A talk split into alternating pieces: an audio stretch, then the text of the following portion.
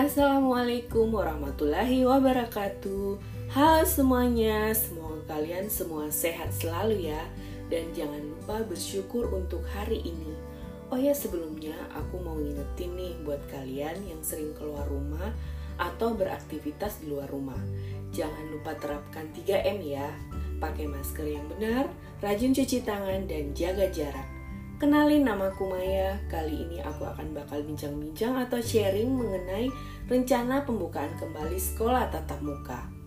Nah, akhir-akhir ini muncul kembali wacana mengenai hal ini. Wacana tersebut semakin menguat dengan adanya vaksinasi yang akan diberikan kepada tenaga pendidik. Walaupun keputusan ada di tangan orang tua siswa, seperti kata Pak Menteri Nadiem Makarim, tetap saja Keputusan tatap muka ini akan segera dimulai karena Indonesia termasuk negara yang tertinggal di Asia Timur yang belum menjalankan sekolah tatap muka. Rencana sekolah tatap muka ini pasti menimbulkan pro dan kontra di masyarakat. Jadi, buat kamu yang punya anak, ponakan, tetangga yang anak sekolahan, sebaiknya mulai bersiap secara dini jika sekolah akan benar-benar dibuka kembali. Kali ini saya akan mengutip data ilmiah yang telah dirangkum oleh Dr. Adam Prabata. Oke, yuk kita coba lihat risikonya seperti apa dan bagaimana rencana penanggulangan yang bisa kita lakukan. Yang pertama, kita akan membahas resiko COVID-19 pada anak. Menurut data ilmiah yang telah dikumpulkan pada tahun 2020 sampai 2021, satu dari tiga anak dengan COVID-19 yang dirawat inap beresiko masuk ICU. Kemudian, resiko multisystem inflammatory syndrome atau MISC akibat COVID-19 pada anak. Ini adalah penyakit anak yang diyakini terkait dengan COVID-19. Menurut ahli neonatologi, Sindrom MASG dapat muncul bahkan pada anak-anak yang dinyatakan terinfeksi corona dengan sangat ringan. Jadi, kasus corona ringan bukan jaminan bahwa sindrom ini mereka alami sama ringannya. Bisa juga berakibat fatal loh. Anak-anak yang akan menunjukkan tanda atau gejala sindrom MASG ini setelah 3-4 minggu dinyatakan sembuh dari COVID-19. Walaupun masih butuh penelitian lebih lanjut mengenai sindrom ini, tetapi tidak ada salahnya kita selalu waspada dan berhati-hati ya teman-teman. Bukankah mencegah lebih baik daripada mengobati?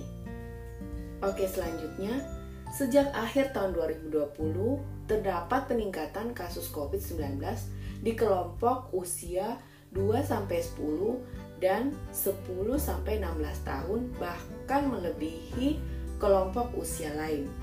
Itu sekolah belum dimulai ya tetap mukanya. Gimana nanti? Semoga enggak ya. Kemudian selanjutnya mengenai potensi jumlah kasus meningkat drastis bila sekolah dibuka kembali. Penutupan sekolah diketahui berhubungan dengan penurun, penurunan penularan COVID-19 di suatu negara. Pembukaan sekolah tanpa tindakan pencegahan yang memadai sangat berisiko meningkatkan penularan COVID-19 apabila dengan ter, apalagi dengan terdapatnya mutasi B117 yang terbukti meningkatkan penularan COVID-19. Nah, kemudian apa yang perlu dilakukan negara atau pemerintah? Pembukaan sekolah kembali beresiko meningkatkan kasus COVID-19 bila tidak disertai dengan tes PCR skala besar dan tracing yang efektif. Jadi, peningkatan kapasitas kita nih harus meningkatkan kapasitas dan pemerataan tes PCR di Indonesia jika sekolah memang benar-benar dibuka kembali. Kemudian kita juga harus meningkatkan kemampuan tracing dari kasus COVID positif 19. Nah, dua tindakan di atas sangat perlu dilakukan oleh pemerintah apabila serius merencanakan membuka kembali sekolah. Nah, sekarang kita melihat satu-satu ya, apa yang perlu dipersiapkan oleh sekolah. Untuk sekolah, memastikan ventilasi kelas adekuat. Apa aja tuh? Jadi yang pertama membuka pintu dan jendela pada saat jam pelajaran. Kemudian yang kedua, belajar outdoor bila memungkinkan. Yang ketiga, gunakan pembersih udara dengan HEPA filter bila ada. Kemudian cuci tangan, ini yang sangat penting ya teman-teman. Siapkan tempat mencuci tangan yang lebih banyak. Kemudian siapkan hand sanitizer. Oke, tadi udah yang perlu disiapkan oleh sekolah. Kemudian untuk sekolah juga yang perlu dipersiapkan, persiapkan kelompok kecil siswa jadi apa aja itu buat kelompok siswa berukuran kecil. Pergerakan dan interaksi dibatasi hanya dalam kelompok kecil tersebut. Apabila ada yang terinfeksi COVID-19, maka satu kelompok kecil akan dikarantina semua. Kemudian, dukung pencegahan COVID-19 secara maksimal. Apa aja? Yang pertama, buat peraturan tentang masker di sekolah dan ajarkan caranya. Yang kedua, atur jarak dan waktu siswa masuk sekolah, shift, shift, atau jumlah siswa satu kelas diatur sedemikian rupa. Nah, jadi misalnya jumlah siswanya 30 nih, mungkin bisa dibagi dua dengan jam pelajaran pagi dan siang. Jadi nggak disatuin seperti biasanya, namanya kan jaga jarak. Kemudian, sediakan opsi belajar jarak jauh apabila memang kesulitan dengan kondisi tersebut. Jadi, gimana nih pencegahan ekstra COVID-19 kerjasama antara sekolah dan pemerintah? Jadi, untuk kerjasamanya, maka harus diadakan tes COVID-19 di mana memfasilitasi tenaga pengajar, staf sekolah, dan siswa yang bergejala dan kontak erat untuk tes COVID-19. Kemudian lakukan screening COVID-19 bila memungkinkan. Yang kedua, vaksinasi COVID-19.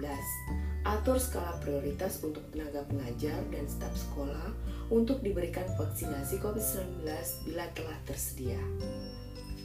Nah, itu tadi dari pemerintah dan dari sekolah ya. Kemudian, apa yang perlu disiapkan oleh orang tua?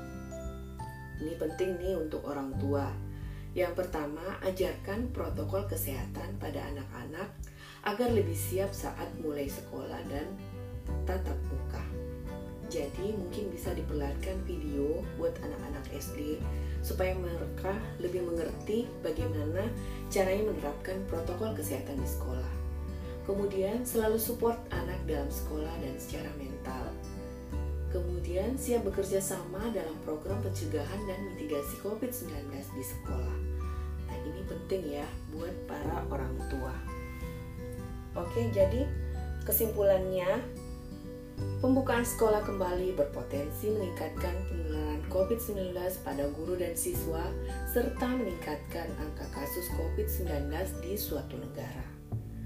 Persiapan-persiapan yang perlu dilakukan sedini pun oleh berbagai pihak mulai dari pemerintah, sekolah, dan orang tua siswa.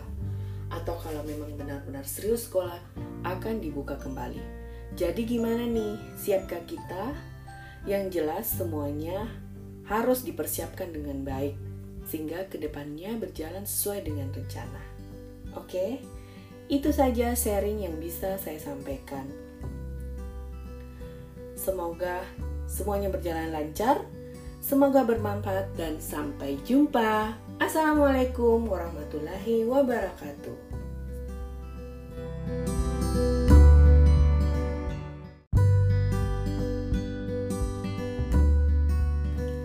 Assalamualaikum, halo semuanya.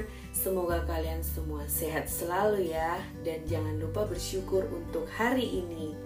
Oh ya, sebelumnya aku mau ngingetin nih buat kalian yang sering keluar rumah atau beraktivitas di luar rumah.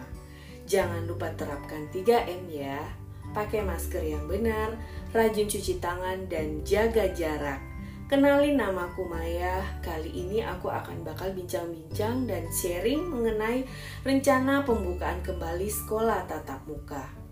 Nah, akhir-akhir ini muncul kembali wacana mengenai hal ini Wacana tersebut semakin menguat dengan adanya vaksinasi yang akan diberikan kepada tenaga pendidik. Walaupun keputusan ini ada di tangan orang tua, seperti kata Bapak Menteri Nadiem Makarim, keputusan ini tetap harus segera dimulai karena Indonesia termasuk negara tertinggal di Asia Timur yang belum menjalankan sekolah tatap muka. Rencana sekolah tatap muka ini pasti menimbulkan pro dan kontra di masyarakat.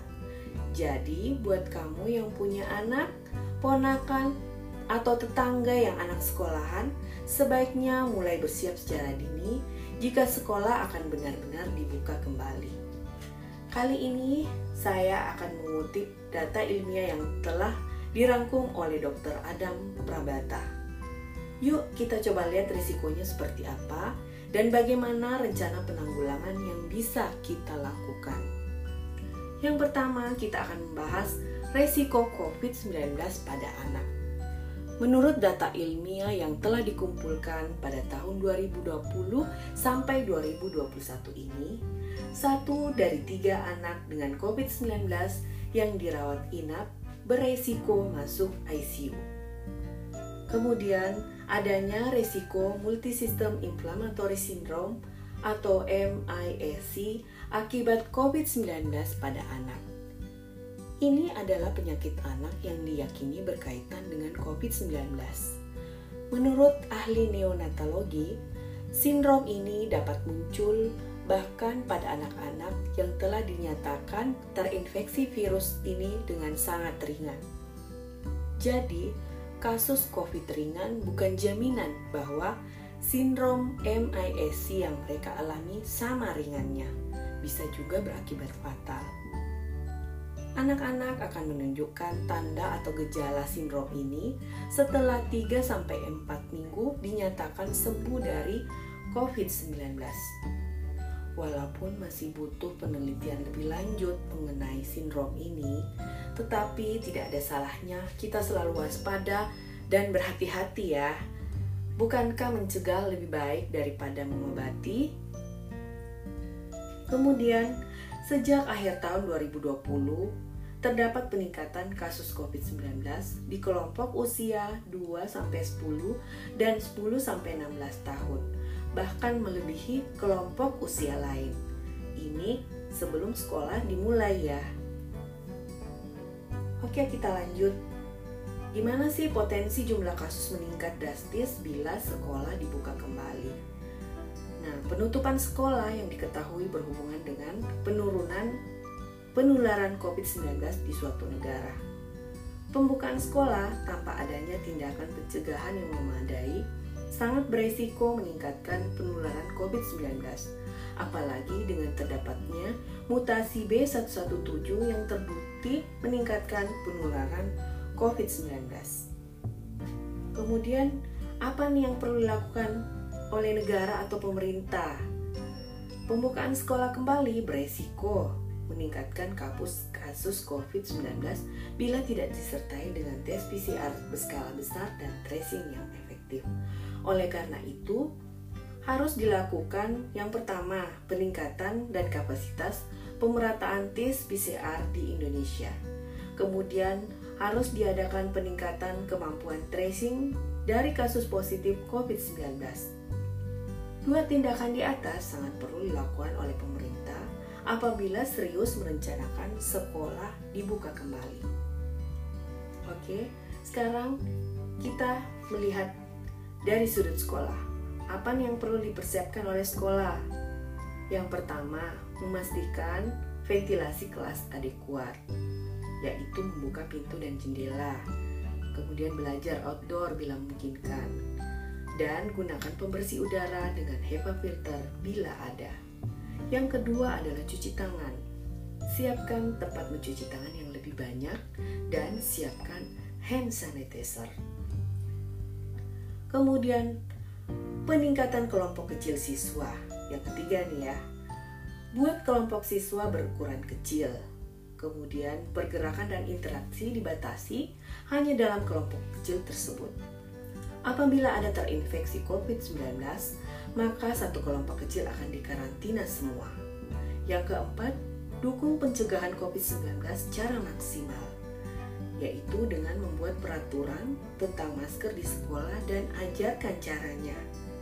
Kemudian atur jarak dan waktu siswa masuk sekolah, misalnya dengan sip-sip ataupun jumlah siswa yang dibatasi dengan membagi dua jumlah siswa bila siswanya terlalu banyak. Kemudian sediakan opsi belajar jarak jauh. Kemudian apa aja nih pencegahan ekstra COVID-19 kerjasama sekolah dan pemerintah? Jadi yang pertama, tes COVID-19. Harus adanya sarana untuk memfasilitasi tenaga pengajar, staf sekolah, dan siswa yang bergejala dan kontak erat untuk tes COVID-19. Kemudian lakukan screening COVID-19 bila memungkinkan.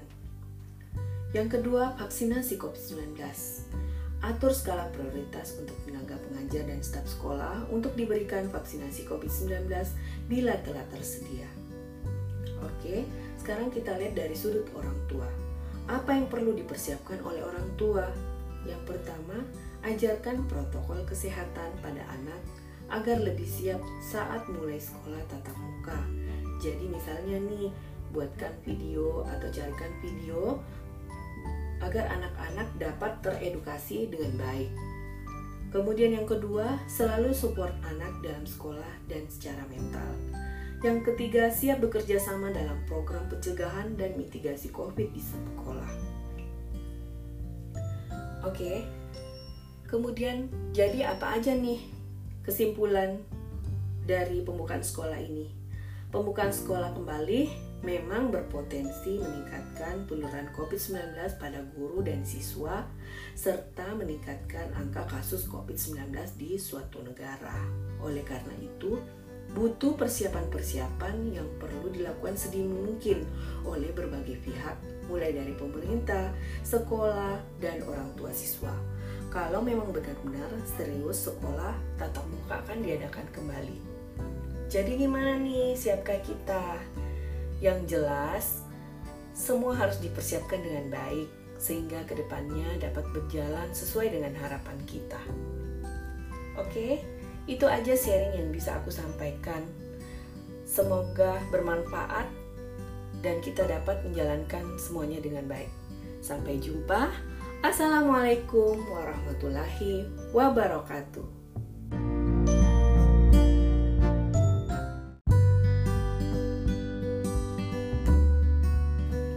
Assalamualaikum, halo semuanya. Semoga kalian semua sehat selalu ya, dan jangan lupa bersyukur untuk hari ini. Oh ya, sebelumnya aku mau ngetin nih buat kalian yang sering keluar rumah atau beraktivitas di luar rumah. Jangan lupa terapkan 3M ya. Pakai masker yang benar, rajin cuci tangan dan jaga jarak. Kenalin namaku Maya Kali ini aku akan bakal bincang-bincang atau sharing mengenai rencana pembukaan kembali sekolah tatap muka. Nah, akhir-akhir ini muncul kembali wacana mengenai hal ini. Wacana tersebut semakin menguat dengan adanya vaksinasi yang akan diberikan kepada para tenaga pendidik. Walaupun keputusan sepenuhnya ada di tangan orang tua, seperti kata Bapak Menteri Nadiem Makarim, Tetap saja keputusan memulai tatap muka ini akan segera dimulai karena Indonesia termasuk negara tertinggal di Asia Timur yang belum menjalankan sekolah tatap muka. Rencana sekolah tatap muka ini pasti menimbulkan pro dan kontra di masyarakat. Jadi, buat kamu yang punya anak, ponakan, atau tetangga yang anak sekolahan, sebaiknya mulai bersiap secara dini jika sekolah akan benar-benar dibuka kembali. Kali ini aku akan mengutip data ilmiah yang telah dirangkum oleh Dr. Adam Prabata. Yuk kita coba lihat risikonya seperti apa dan bagaimana rencana penanggulangan yang bisa kita lakukan. Yang pertama, kita akan membahas risiko COVID-19 pada anak. Menurut data ilmiah yang telah dikumpulkan pada tahun 2020 sampai 2021 ini, satu dari tiga anak dengan COVID-19 yang dirawat inap berisiko masuk ICU. Kemudian adanya risiko Multisystem Inflammatory Syndrome atau MISC akibat COVID-19 pada anak. Ini adalah penyakit anak yang diyakini berkaitan dengan COVID-19. Menurut ahli neonatologi, sindrom ini dapat muncul bahkan pada anak-anak yang dinyatakan terinfeksi virus ini dengan sangat ringan. Jadi, kasus COVID ringan bukan jaminan bahwa sindrom MIS yang mereka alami sama ringannya. Bisa juga berakibat fatal. Anak-anak akan menunjukkan tanda dan gejala sindrom MISC ini setelah 3-4 minggu dinyatakan sembuh dari COVID-19. Walaupun masih butuh penelitian lebih lanjut mengenai sindrom ini, tetapi tidak ada salahnya kita selalu waspada dan berhati-hati ya teman-teman. Bukankah mencegah lebih baik daripada mengobati? Kemudian, sejak tahun 2020, terdapat peningkatan kasus COVID-19 di kelompok usia 2-10 dan 10-16 tahun, bahkan melebihi kelompok usia lain. Lanjut, mengenai potensi jumlah kasus meningkat drastis bila sekolah dibuka kembali. Di suatu negara, penutupan sekolah diketahui berhubungan dengan penurunan penularan COVID-19. Pembukaan sekolah tanpa tindakan pencegahan yang memadai sangat beresiko meningkatkan penularan COVID-19, apalagi dengan terdapatnya mutasi B117 yang terbukti meningkatkan penularan COVID-19. Nah, apa yang perlu dilakukan negara atau pemerintah? Jadi, pembukaan sekolah kembali memang berisiko meningkatkan kasus COVID-19 bila tidak disertai dengan tes PCR skala besar dan tracing yang efektif. Jadi yang pertama harus dilakukan peningkatan kapasitas dan pemerataan tes PCR di Indonesia. Yang kedua, harus juga diadakan peningkatan kemampuan tracing dari kasus positif COVID-19. Dua tindakan di atas sangat perlu dilakukan oleh pemerintah apabila serius merencanakan membuka kembali sekolah. Oke, kita lihat apa yang perlu disiapkan oleh sekolah. Yang pertama, memastikan ventilasi kelas adekuat, yaitu membuka pintu dan jendela, belajar outdoor bila memungkinkan, gunakan pembersih udara dengan HEPA filter bila ada. Kemudian yang kedua, cuci tangan.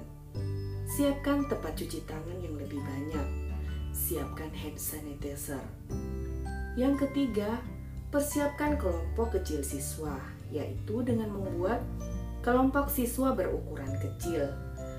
Yang kedua, pergerakan dengan interaksi dibatasi hanya dengan kelompok kecil tersebut. Dan apabila ada yang terinfeksi COVID-19, maka satu kelompok kecil akan dikarantina semua. Yang keempat, dukung pencegahan COVID-19 secara maksimal, yaitu dengan membuat peraturan tentang masker di sekolah dan ajarkan caranya. Kemudian atur jarak dan waktu siswa masuk sekolah dengan sip-sip. Jadi misalnya nih satu kelas ada 30 orang, mungkin dibagi menjadi dua sip pagi dan siang. Sehingga jumlah siswa di dalam ruangan tersebut dapat dibatasi. Kemudian, sediakan opsi belajar jarak jauh. Kita lanjut ya. Pencegahan ekstra COVID-19 kerjasama sekolah dan pemerintah apa aja nih? Yang pertama, dengan adanya tes COVID-19. Sebaiknya di sekolah memfasilitasi tenaga pengajar, staf sekolah, dan siswa yang bergejala dan kontak erat untuk tes COVID-19. Kemudian lakukan screening COVID-19 bila memungkinkan. Yang kedua, dengan vaksinasi COVID-19 Atur skala prioritas untuk tenaga pengajar dan staf sekolah untuk diberikan vaksinasi COVID-19 bila telah tersedia. Kemudian kita lanjut ya, apa yang perlu dipersiapkan oleh orang tua? Yang pertama, ajarkan protokol kesehatan pada anak agar lebih siap saat mulai sekolah tatap muka. Jadi misalnya kita mengedukasi dengan memperlihatkan video yang mengajarkan tentang protokol kesehatan yang benar. Untuk anak-anak SD kelas 1 dan sampai kelas 6 mungkin videonya yang lebih interaktif agar mereka lebih mengerti. Kemudian yang kedua selalu support anak dalam sekolah dan secara mental. Yang ketiga, siap bekerja sama dalam program pencegahan dan mitigasi COVID-19 di sekolah. Jadi, kesimpulannya, pembukaan sekolah kembali memang berpotensi meningkatkan penularan COVID-19 pada guru dan siswa serta meningkatkan kasus COVID-19 di suatu negara. Oleh karena itu, perlu dilakukan persiapan-persiapan sedini mungkin oleh berbagai pihak, mulai dari pemerintah, sekolah, dan orang tua siswa. Kalau memang benar-benar sekolah serius dibuka dan diadakan kembali. Jadi gimana nih, siapkah kita? Yang jelasnya semuanya harus dipersiapkan dengan baik sehingga ke depannya dapat berjalan sesuai yang kita harapkan. Itu aja sharing yang bisa aku sampaikan. Semoga kita dapat menjalankan dengan baik. Semoga bermanfaat dan sampai jumpa teman-teman. Waalaikumsalam warahmatullahi wabarakatuh.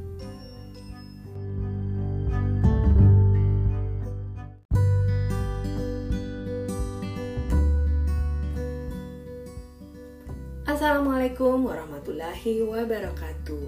Halo semuanya, semoga kalian semua sehat selalu ya Dan jangan lupa bersyukur untuk hari ini. Oh ya sebelumnya aku mau ngingetin nih buat kalian Yang sering keluar rumah atau beraktivitas di luar rumah Jangan lupa terapkan 3M ya. Pakai masker yang benar, rajin cuci tangan, dan menjaga jarak Kenali namaku Maya. Kali ini aku akan bakal bincang-bincang atau sharing mengenai rencana pembukaan kembali sekolah tatap muka.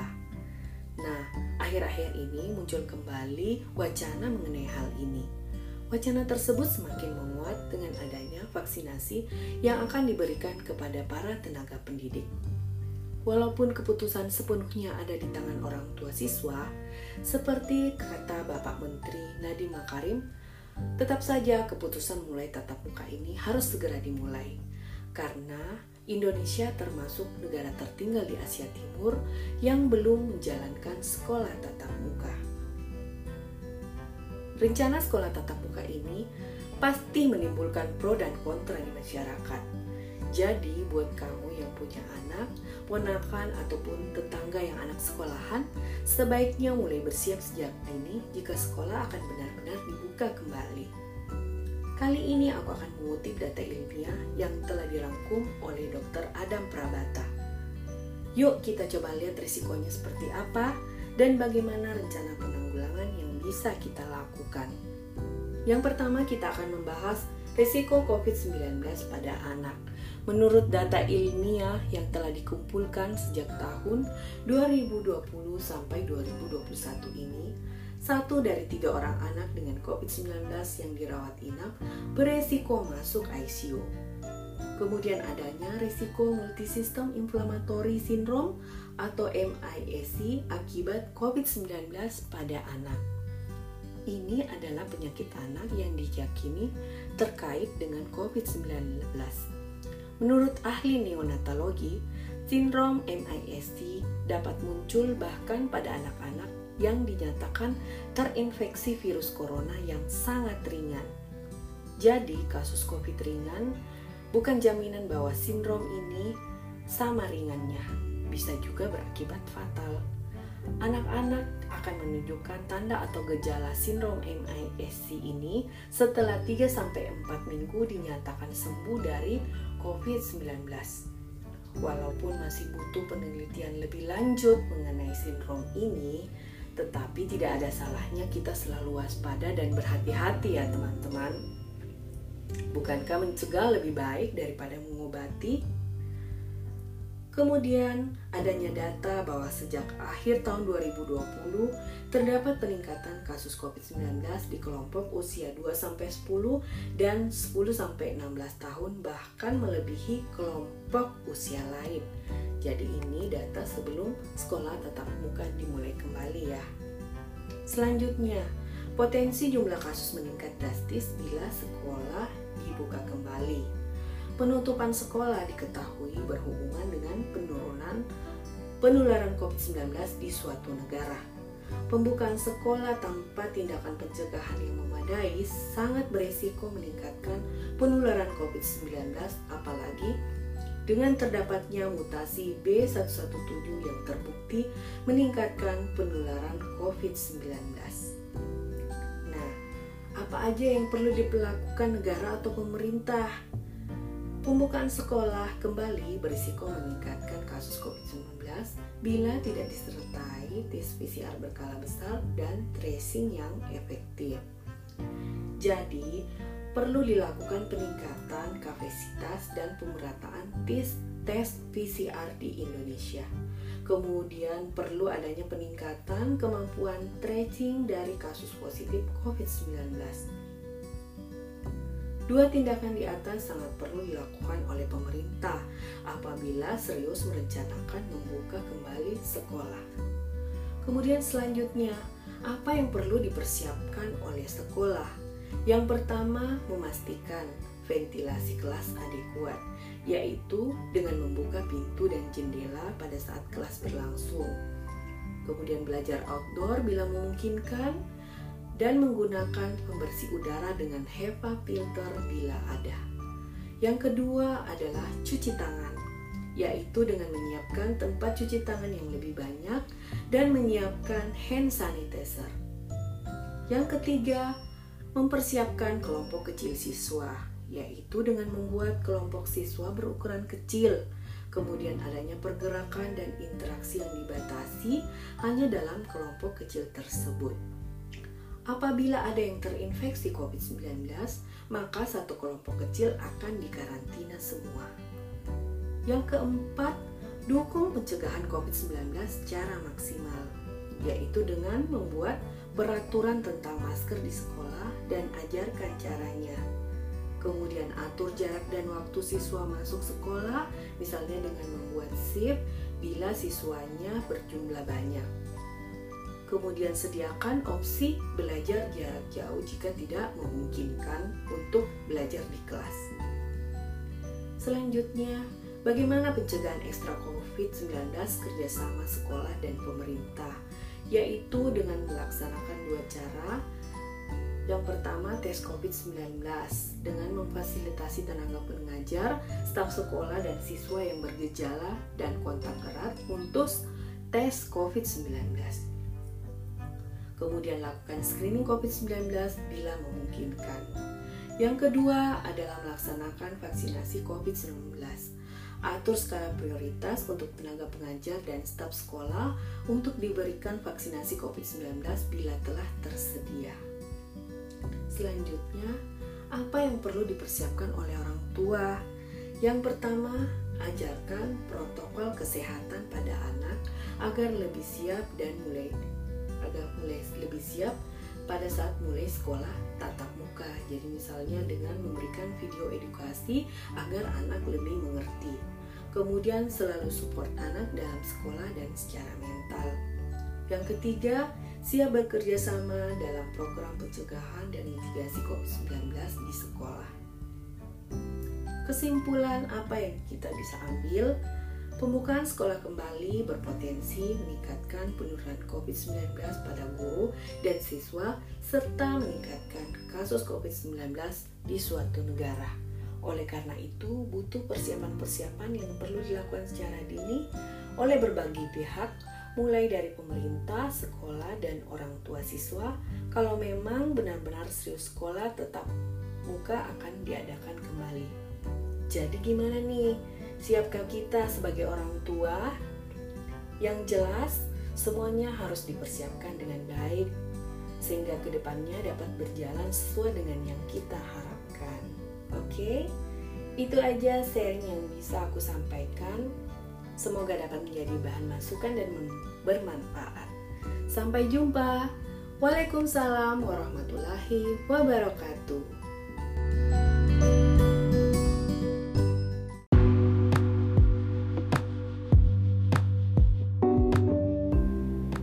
Assalamualaikum, ketemu lagi dengan kata diriku. Oke, hari ini aku mau ngomongin mengenai jejaring sosial. Kamu udah pada nggak asing kan mengenai jejaring sosial?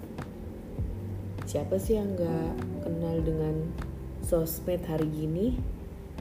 Pasti ketinggalan banget kalau nggak tahu. Nah, jejaring sosial merupakan salah satu website di mana fungsinya untuk memberikan hiburan atau entertainment. Contoh-contoh jejaring sosial yang sangat pada saat ini sangat digandrungi oleh banyak orang yaitu seperti Facebook, Twitter, Instagram. Dulu ada juga sih pet, cuma udah ditutup oleh yang menggang lisensinya.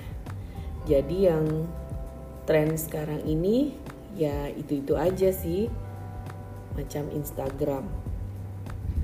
Sebenarnya masih banyak lagi sosial media lain, tetapi saya hanya rangkum yang itu aja ya, yang uh, paling ngetren. Semakin berkembangnya teknologi, ada kelebihan dan kekurangan dari sosial media tersebut. Kalau kelebihannya ya kita bisa menjalin silaturahmi ke sesama teman kita di mana saja tanpa harus tatap muka. Dan kita bisa kepoin kehidupannya gitu. bisa kan? Melalui statusnya, melalui ah itu namanya uh, kepo ya. Tapi nggak apa-apa kan yang penting dengan statusnya mungkin kita bisa bersay hello dengan dia nanyain kabarnya silaturahmi kemudian kita bisa mendapatkan teman dari mana aja jadi mungkin eh, bisa kenalan dengan orang yang tidak pernah kita temui di kehidupan kita sehari-hari. Kemudian terkadang dengan jejaring sosial kita bisa bertemu dengan teman lama yang sudah tidak lama pernah ketemu. Nah, itu bisa silaturahmi lagi dong. Terus kita bisa nambah ilmu pengetahuan, misalnya eh, dengan jejaring sosial kita bisa lihat aplikasi, kemudian kita bisa lihat sharing dari teman-teman lewat lewat jejaring sosial tuh kalau aku sih di Facebook suka ngedapetin pengetahuan ya berbagai pengetahuan seperti ceramah agama, eh, pengetahuan spiritual, apa yang nggak kita tahu, apa yang eh, yang baru kita dengar bisa didapatkan dari eh, sosmed tersebut. Jadi kayak kalau Facebook itu banyak pengetahuannya, banyak beritanya yang bisa kita dapatkan.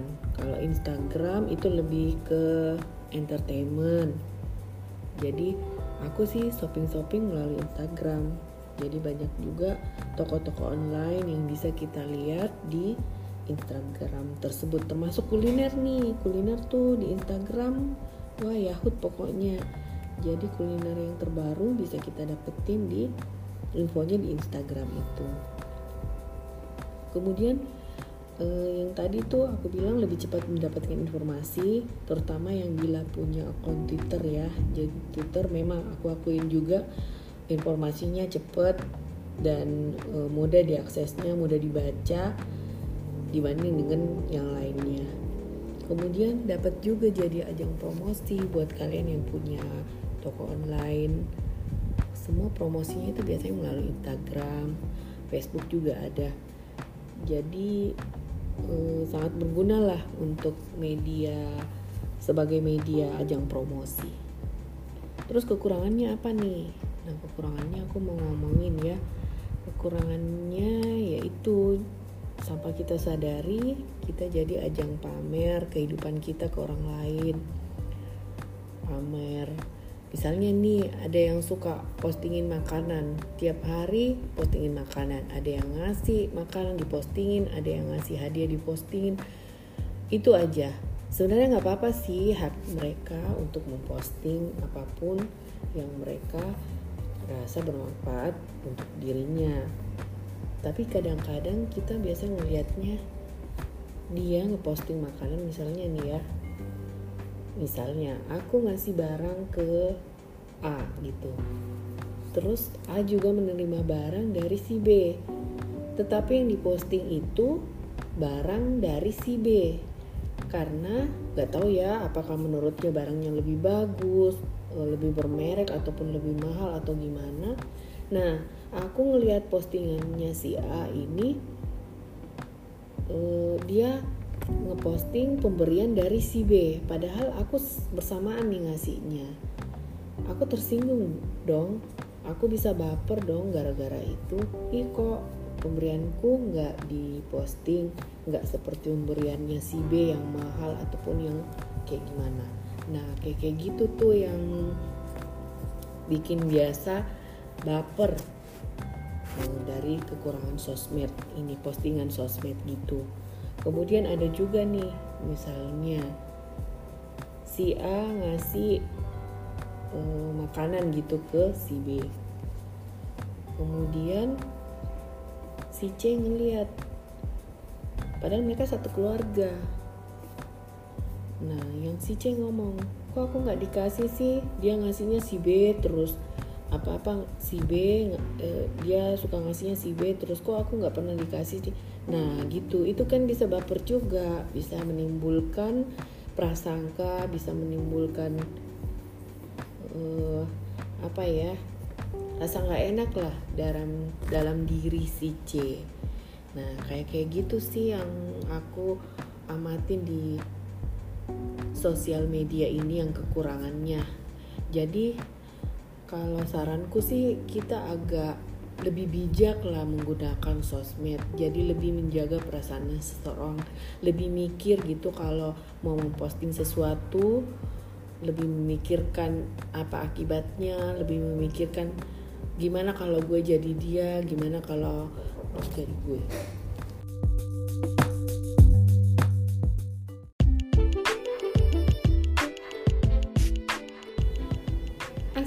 Assalamualaikum. Hai hai podcast lovers. Ketemu lagi dengan kata diriku. Kali ini kata diriku udah masuk ke episode kedua. Gimana kabarnya?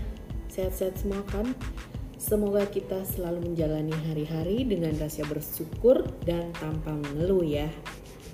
Oke, kali ini kata diriku pengen ngebahas mengenai jejaring sosial alias sosial media alias sosmed. Hari gini kira-kira siapa yang nggak kenal dengan sosmed? Masih ada kah orang yang nggak kenal sosmed? Kayaknya nggak ada deh ya, kecuali orang-orang tua kita dulu.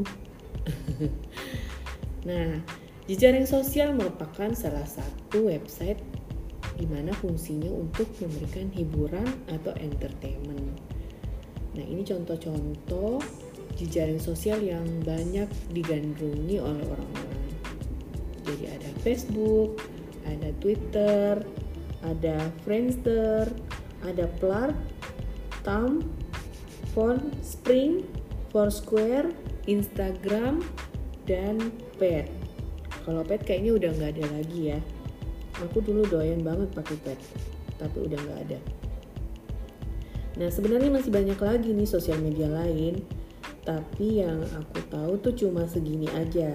Jadi yang aku tahunya itu cuma Facebook, Instagram, kemudian Twitter. Jadi dari zaman ke zaman itu selalu ada perubahan. Itulah dunia maya. Dan kita juga jangan dibodohi ya oleh semakin pesatnya perkembangan teknologi. Ada kelebihan dan kekurangan dari teknologi tersebut. Nah, dari jejaring ini atau sosial media ini pasti ada kelebihan dan kekurangannya. Tetapi tidak semuanya sosial media mempunyai kekurangan dan kelebihan. Oke, kita bahas ya.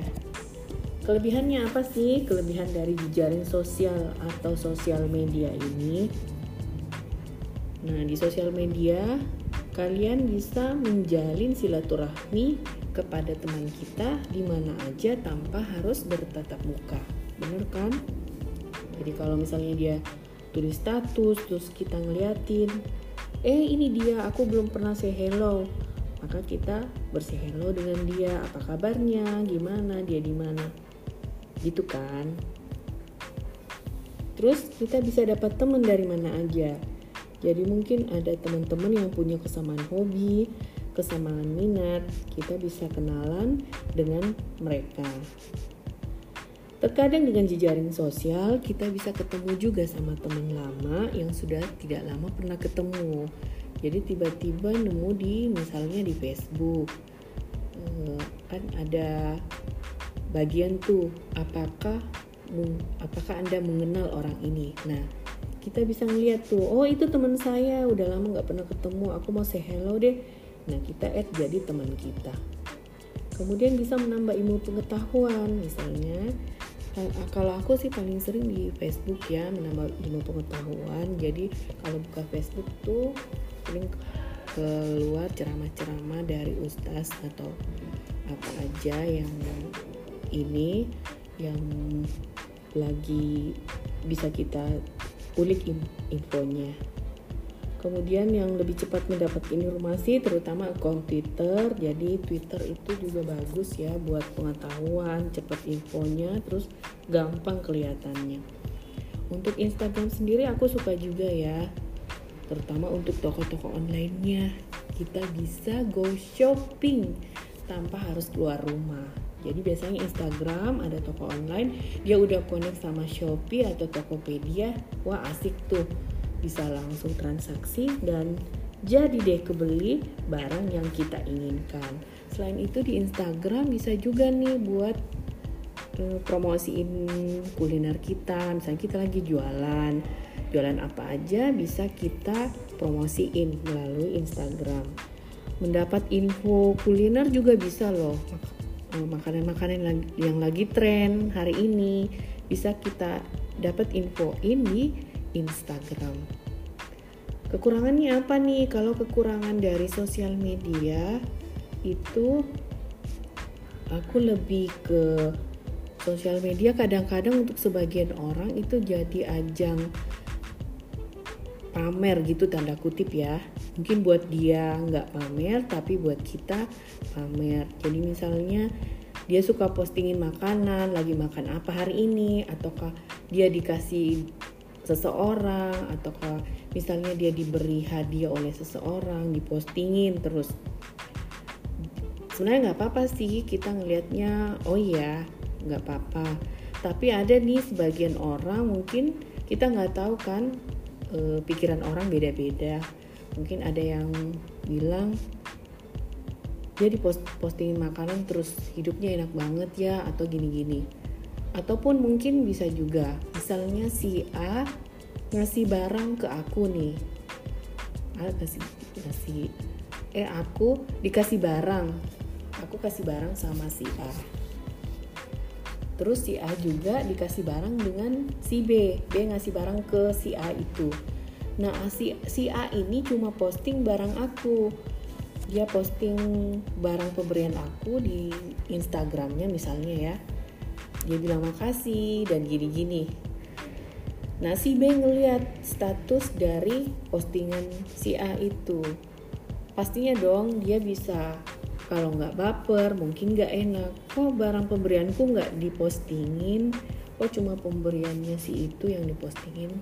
Mungkin barangku nggak semahal ataupun sebagus dari pemberian saya maksudnya. Nah itu kayak kayak gitu kan. Bisa menimbulkan prasangka bisa menimbulkan yang negatif dari seseorang. Kemudian ada lagi nih misalnya si A lagi ngasih uh, makanan ke si B. Terus si C ini ngeliat postingannya padahal mereka sekeluarga. Jadi si C nganggapnya postingan berkali-kali nih. Jadi si Ceng nganggap loh kok aku nggak pernah dikasih nih? Dia terus yang dikasih. Masa aku nggak pernah dikasih? Jadi itu kan jadi nimbulkan baper nimbulkan perasaan nggak enak itu aja sih yang aku liatin dari kekurangan sosial media ini. Jadi sebaiknya kita lebih bijak ya menggunakan sosial media. Paling enggak sebelum posting kita mikir oh kalau aku posting ini ada nggak yang berprasangka ataupun ada yang nggak uh, ada nggak yang salah sangka ataupun gimana sebenarnya dari kita sendiri sih kita mau posting apa aja itu hak kita memang. Memang hak kita. Cuma setidaknya kita lebih bijak dan lebih berempati dengan orang lain. Oke? Gitu aja mungkin ya teman-teman yang bisa aku sampaikan. Semoga bermanfaat dan sampai jumpa di episode berikutnya. Waalaikumsalam warahmatullahi wabarakatuh. Bye.